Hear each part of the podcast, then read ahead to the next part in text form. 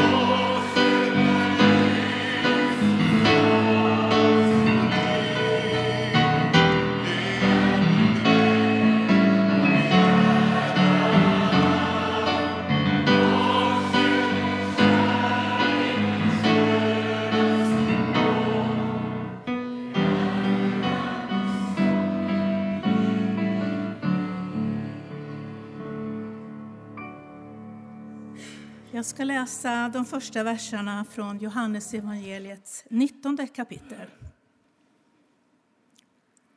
Då tog Pilatus Jesus och lät gissla honom. Och soldaterna vred ihop en krans av törne och satte på hans huvud.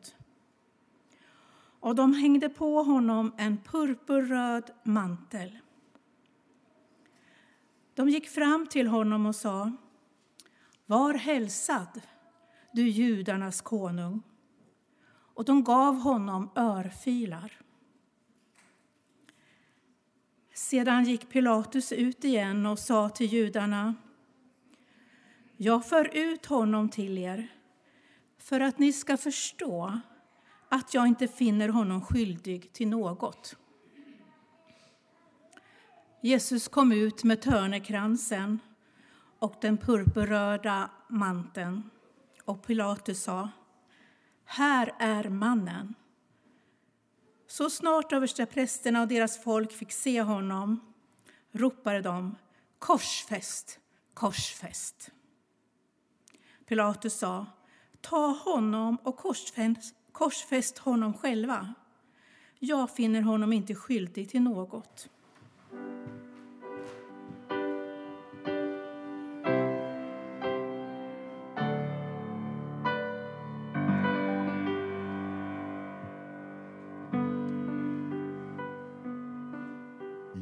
Jag gick idag där Jesus gått. En gång i forna dar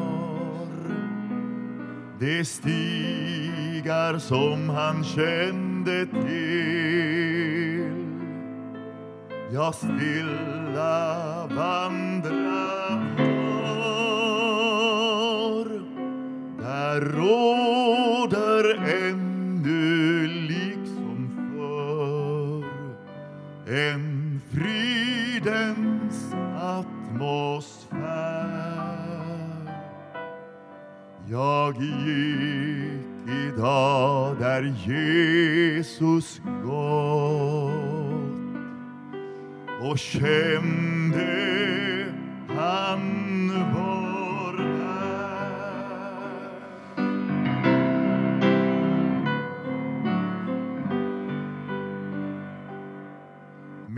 väg gick genom Betlehem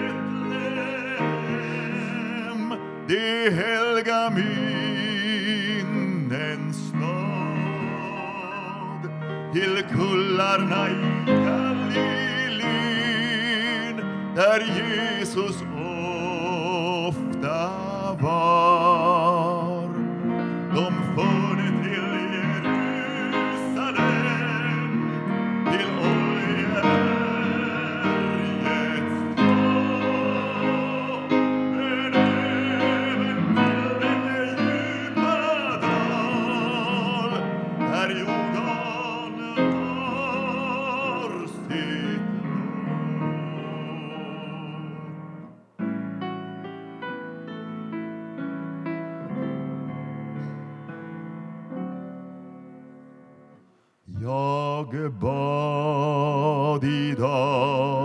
Jesus bad och kände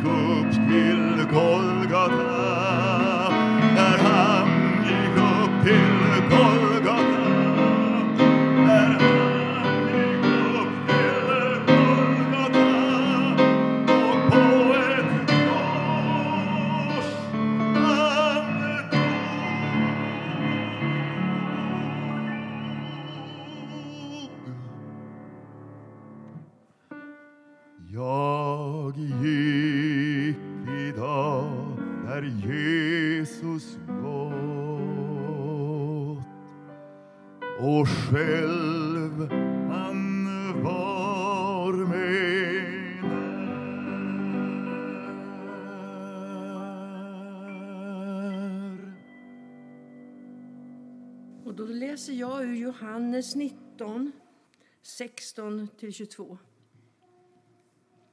Då utlämnade han Jesus åt dem till att korsfästas. De tog honom alltså med sig. Han bar själv sitt kors ut till den plats som kallas Skallen, på hebreiska Golgata.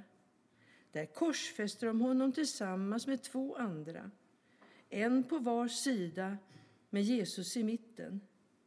Pilatus hade också låtit skriva ett anslag som sattes upp på korset där det stod Jesus från Nasaret, judarnas konung. Detta lästes av många judar eftersom platsen där Jesus korsfästes låg strax utanför staden och texten var på hebreiska, på latin och grekiska. Men judarnas överstepräster sa till Pilatus Skriv inte judarnas konung, utan vad han själv har sagt. Jag är judarnas konung. Pilatus svarade, vad jag har skrivit, det har jag skrivit.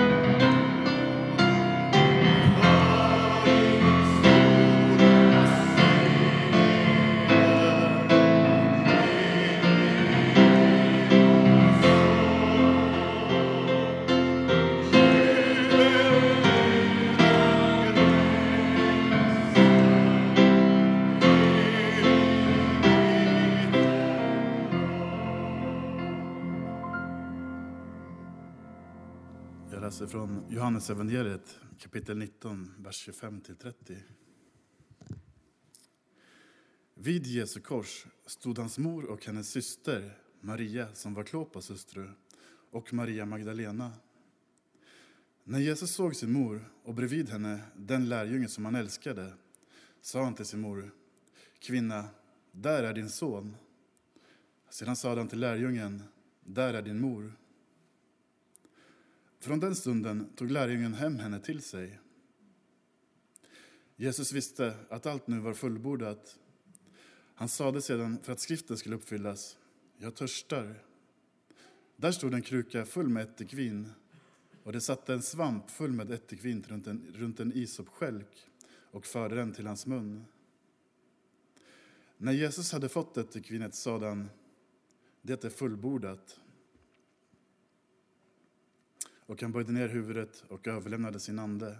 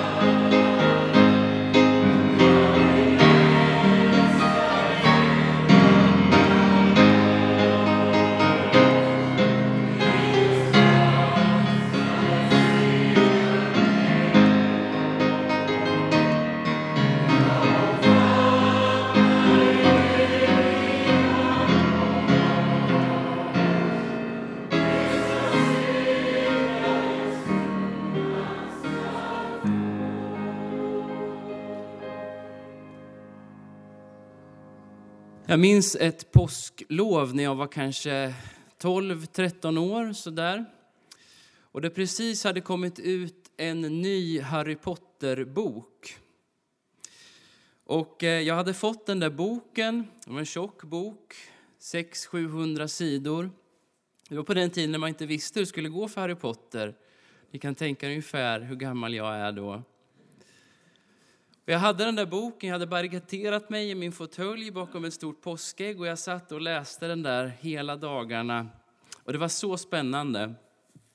Och när jag började närma mig slutet så märkte jag att det i mig började växa en frestelse att bläddra till sista sidorna och se hur det skulle gå, för det var så spännande. Och jag kämpade emot och kämpade emot, men till slut så gick det inte längre, utan jag läste de sista sidorna bara för att se att allt skulle lösa sig. Jag vet inte om du har varit med om det någon gång när du läst eller sett på film eller vad det kan vara för någonting, att det varit så spännande att du känt att jag måste få veta hur det ska gå redan nu. Eller kanske att det varit så otäckt och obehagligt att du känt att det här måste jag spola förbi. Det här pallar inte jag att se just nu. Eller kanske oftare att det varit så tråkigt att du känt att ja, ja, jag kan bläddra några sidor, jag missar nog inget. På samma sätt så tror jag att det kan vara frestande en sån här dag att vilja hoppa förbi till slutet, till det som vi som har firat påsk många gånger och läst Bibelns berättelse vet väntar oss. Och Det kan finnas flera goda skäl till att man vill göra det.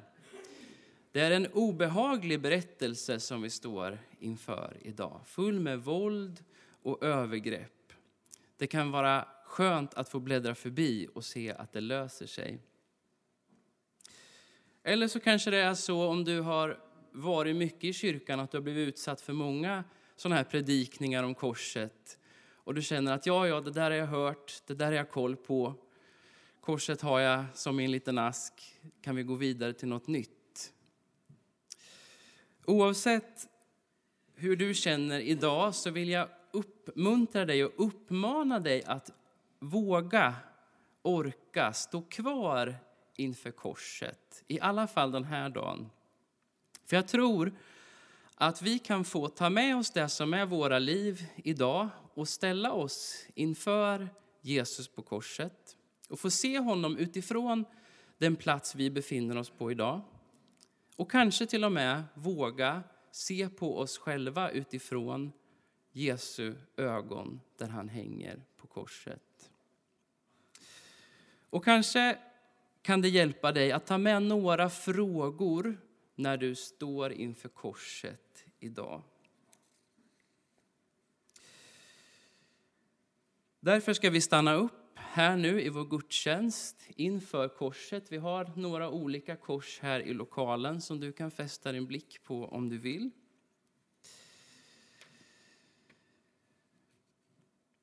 I den text vi har fått läsa idag så får vi veta att Jesus, där han hänger på korset, piskad och slagen, full av smärta, med verkande trötta muskler efter att ha burit sitt kors, säger ganska få saker. Först säger han det här till sin mamma och sin lärjunge Johannes som står inför korset. Vi kan bara föreställa oss hur det måste varit för dem att stå där maktlösa inför sin son och sin vän och se honom lida. Men Jesus visar en omsorg om dem och sätter dem samman med varandra i en gemenskap för att orka bära det de står inför. Han säger, här är din mor, här är din son.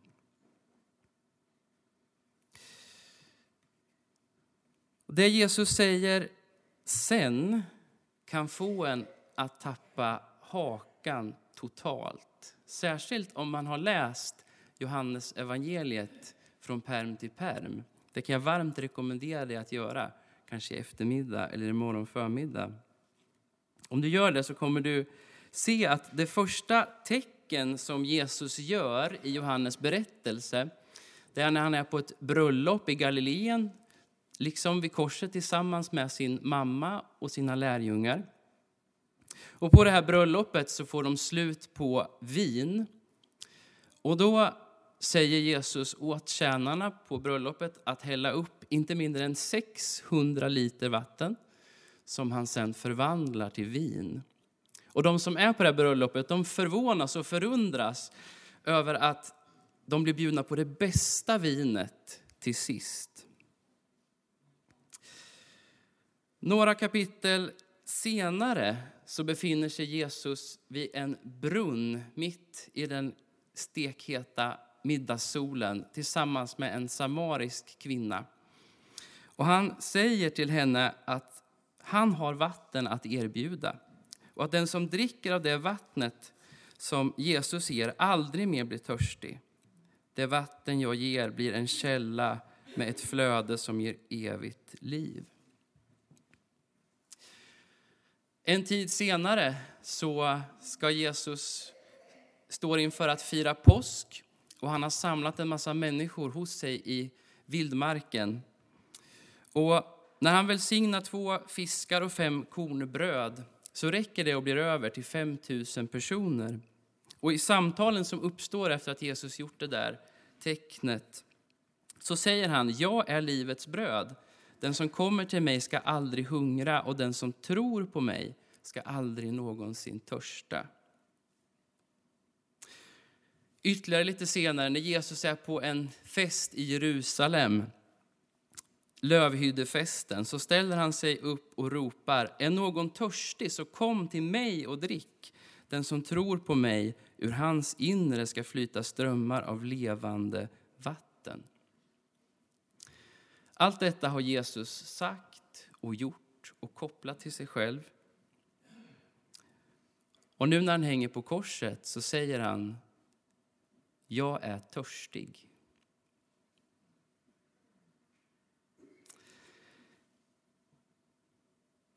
Han som har kommit från himlen för att erbjuda människor det bästa vinet får själv ta emot människornas sura vin i en svamp.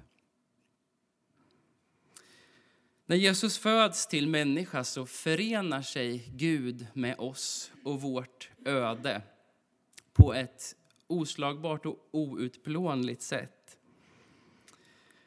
Och Jesus visar att han vandrar så långt i våra skor att han på korset går in i det som är den yttersta konsekvensen, slutstationen av människans sätt att leva. Av vårt sätt att ordna livet på planeten jorden. Och Jesus bär de konsekvenserna på korset för oss.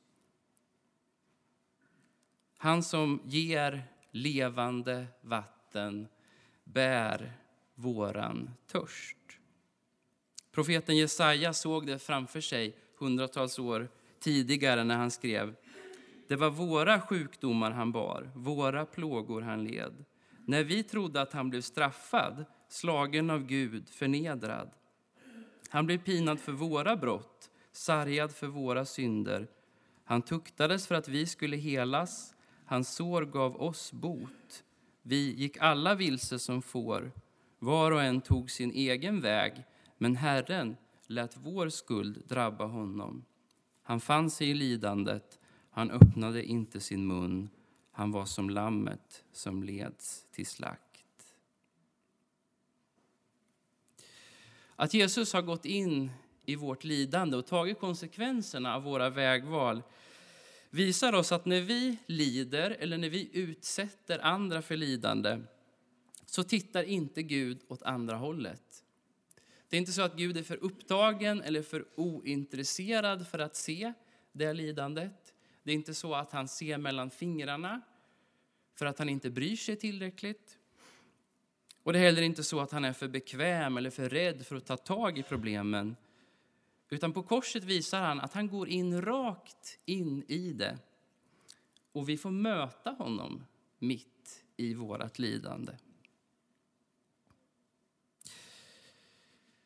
Och bara du kan svara på vad Jesus bär för dig på korset. I början av 1500-talet så fick den hårt kämpande konstnären Mattias Grünewald i uppdrag att måla ett altarskåp till en klosterkyrka i den lilla staden Isenheim i Alsace i nordöstra Frankrike.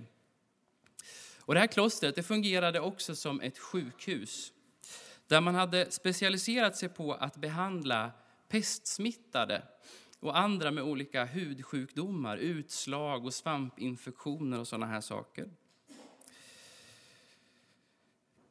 Och på framsidan av det här altarskåpet som Grünewald målade, det som syns större delen av året, då målade han den här scenen som vi läst om idag. Jesus som hänger på korset och sin mamma Maria och Maria från Magdala och Johannes som står under korset. Det är en väldigt dramatisk och levande bild. Men det är en detalj som särskilt sticker ut. Och vi ska se om vi kan få upp den bilden och huruvida det syns eller inte. Men om man tittar nära, och du får väl, om du inte ser får du googla upp den här bilden när du kommer hem. Då ser du att Jesu kropp på den här bilden är full av små svarta fläckar. Det är små fläckar som liknar de utslag som de pestsmittade hade på sina kroppar. Så patienterna som vårdades på det här sjukhuset fick varje morgon fira nattvard inför den här bilden på kung Jesus som bar och delade deras kamp och lidande, som bar och delade det sociala stigmat och skammen och skulden som var kopplat till det. Kung Jesus som varit där de var. Och så är det också för dig och mig. Det vi har gjort och det vi har drabbats av, våran törst och våran kamp, allt det bär Jesus på korset så att vi inte behöver bära det ensamma. Så att vi kan få bära det tillsammans med Jesus. Och jag undrar hur det skulle se ut om du skulle måla en altartavla som visar vilka märken och sår i ditt liv som Jesus bär på korset. Hur skulle den tavlan se ut? Hur skulle det synas på Jesus? När vi står här vid korset så kan vi se att Jesus bär världens synd och plåga på sin kropp och i sin kropp. Men vi kan också se att det riktigt stora inte är bara att han bär dem, utan hur han bär dem. Korset är ju till sin konstruktion en skärningspunkt. Det är två, två delar som möts. Och jag tror också att i, när vi står inför korset så kan vi få se att eh, världens lidande inte får stå oemotsagt här. Det möter någonting annat. Det möter Guds befrielse. Världens trasighet möter här på korset Guds helhet. Här möter världens makter som bara vill ta och ta Guds kärlek som bara vill ge och ge. Här möter Pilatus och soldaternas cyniska och genomironiska hånfullhet, Guds genuina värdighet. Här möter världens svek och lögner Guds trofasthet. Här möter världens dom Guds nåd. Och här möter det hänsynslösa våldet Guds barmhärtighet. Det är slående genom hela påskberättelsen att Jesus vägrar spela med i det som han utsätts för. Han tar liksom inte bollarna som kastas till honom. Han vägrar foga sig, han vägrar kompromissa. Han är totalt fri. Han säger på ett annat ställe i Johannes evangeliet att han är den gode herden som ger sitt liv för sina får. Och han ger det av fri vilja. Det är inget som tas ifrån honom. Han ger det av fri vilja. Och genom att göra allt det där på sitt eget sätt så lyckas Jesus att i mänsklighetens mörkaste stund upprätta och visa på en ny och sann mänsklighet korset visar oss en ny väg. Det visar oss att vi inte heller behöver spela efter den här världens regelbok. Vi behöver inte heller låna den här världens mått på vad som är gott, vad som är eftersträvansvärt, vad som är fint. Vi har ett annat mått och en annan kompass och det är korset. Detta enkla redskap som är designat av människor för att tortera och döda och skrämma. Det gör Jesus till en plats för helande och befrielse och liv och hopp. Och jag undrar vad du kommer att tänka på när du ställer ditt liv inför korset. Vilka vägval gör du om du använder korset som kompass? Och jag undrar i vilka situationer i ditt liv du kan komma och möta det värsta sättet att vara människa med det bästa sättet att vara människa.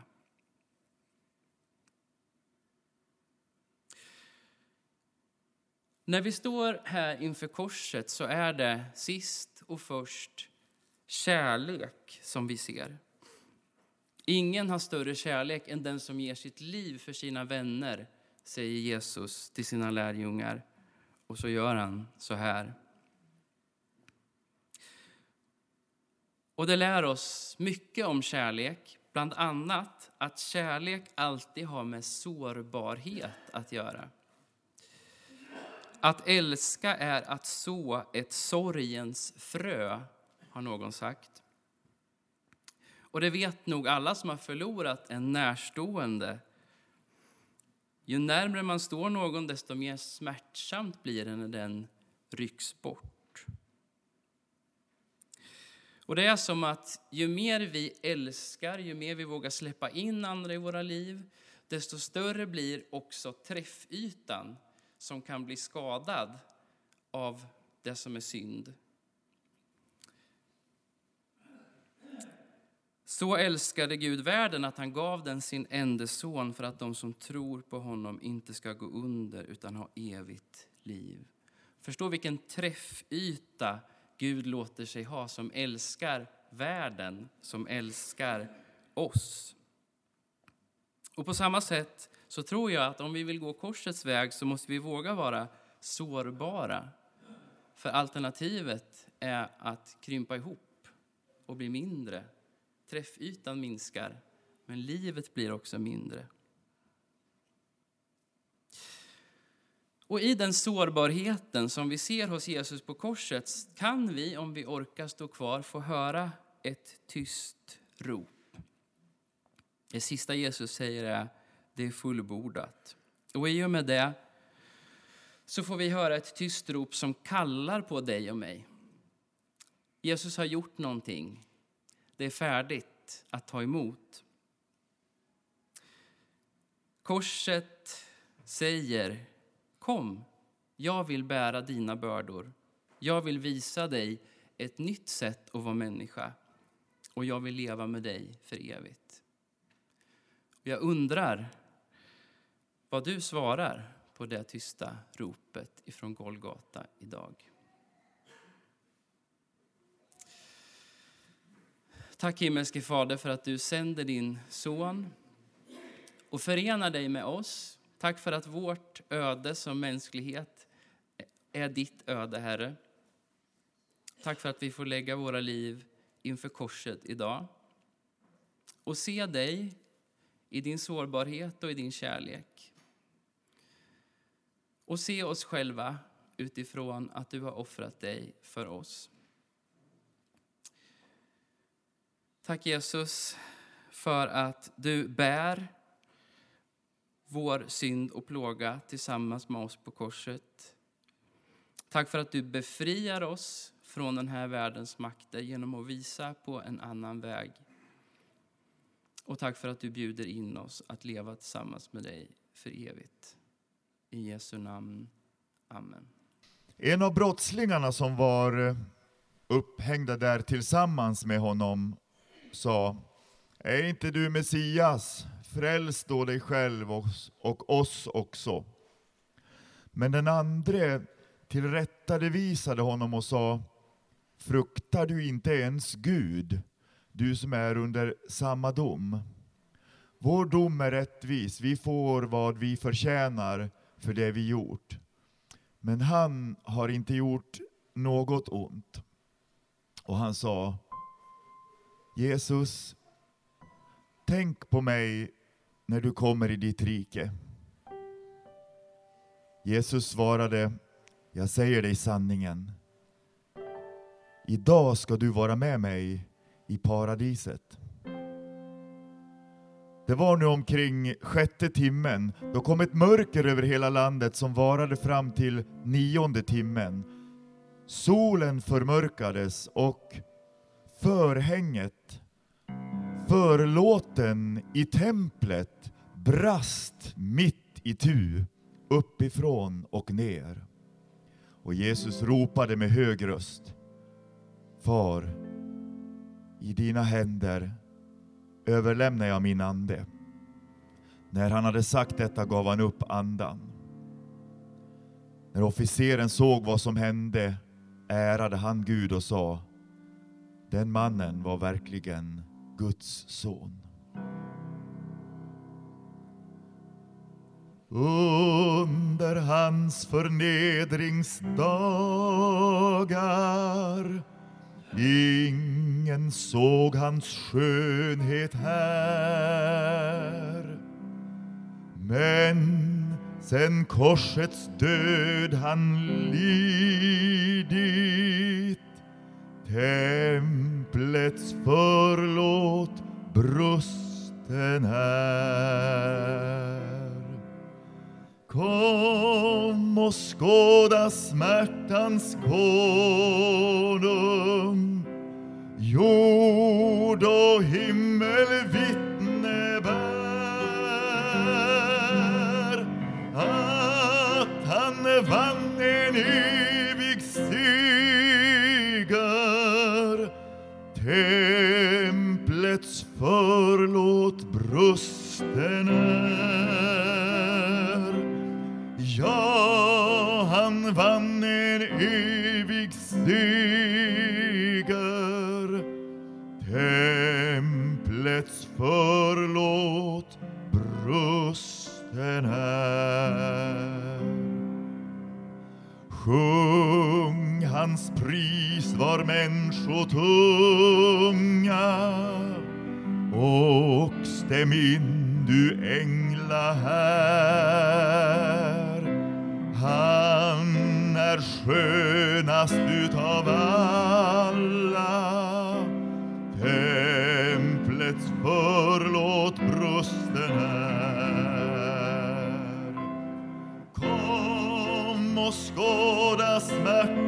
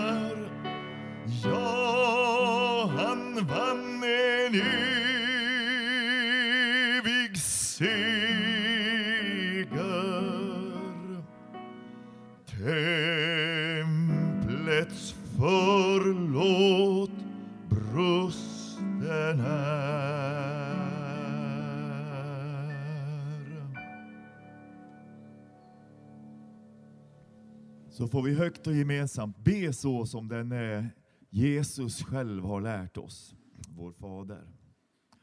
Vår Fader, du som är i himlen. Låt ditt namn bli helgat. Låt ditt rike komma. Låt din vilja ske på jorden så som i himlen. Ge oss idag det bröd vi behöver och förlåt oss våra skulder liksom vi har förlåtit dem som står i skuld till oss. Och utsätt oss inte för prövning utan rädda oss från det onda. Ditt är riket, din är makten och äran i evighet. Amen. Lyft så ditt hjärta till Gud och ta emot Herrens välsignelse. Herren välsigne dig och bevare dig.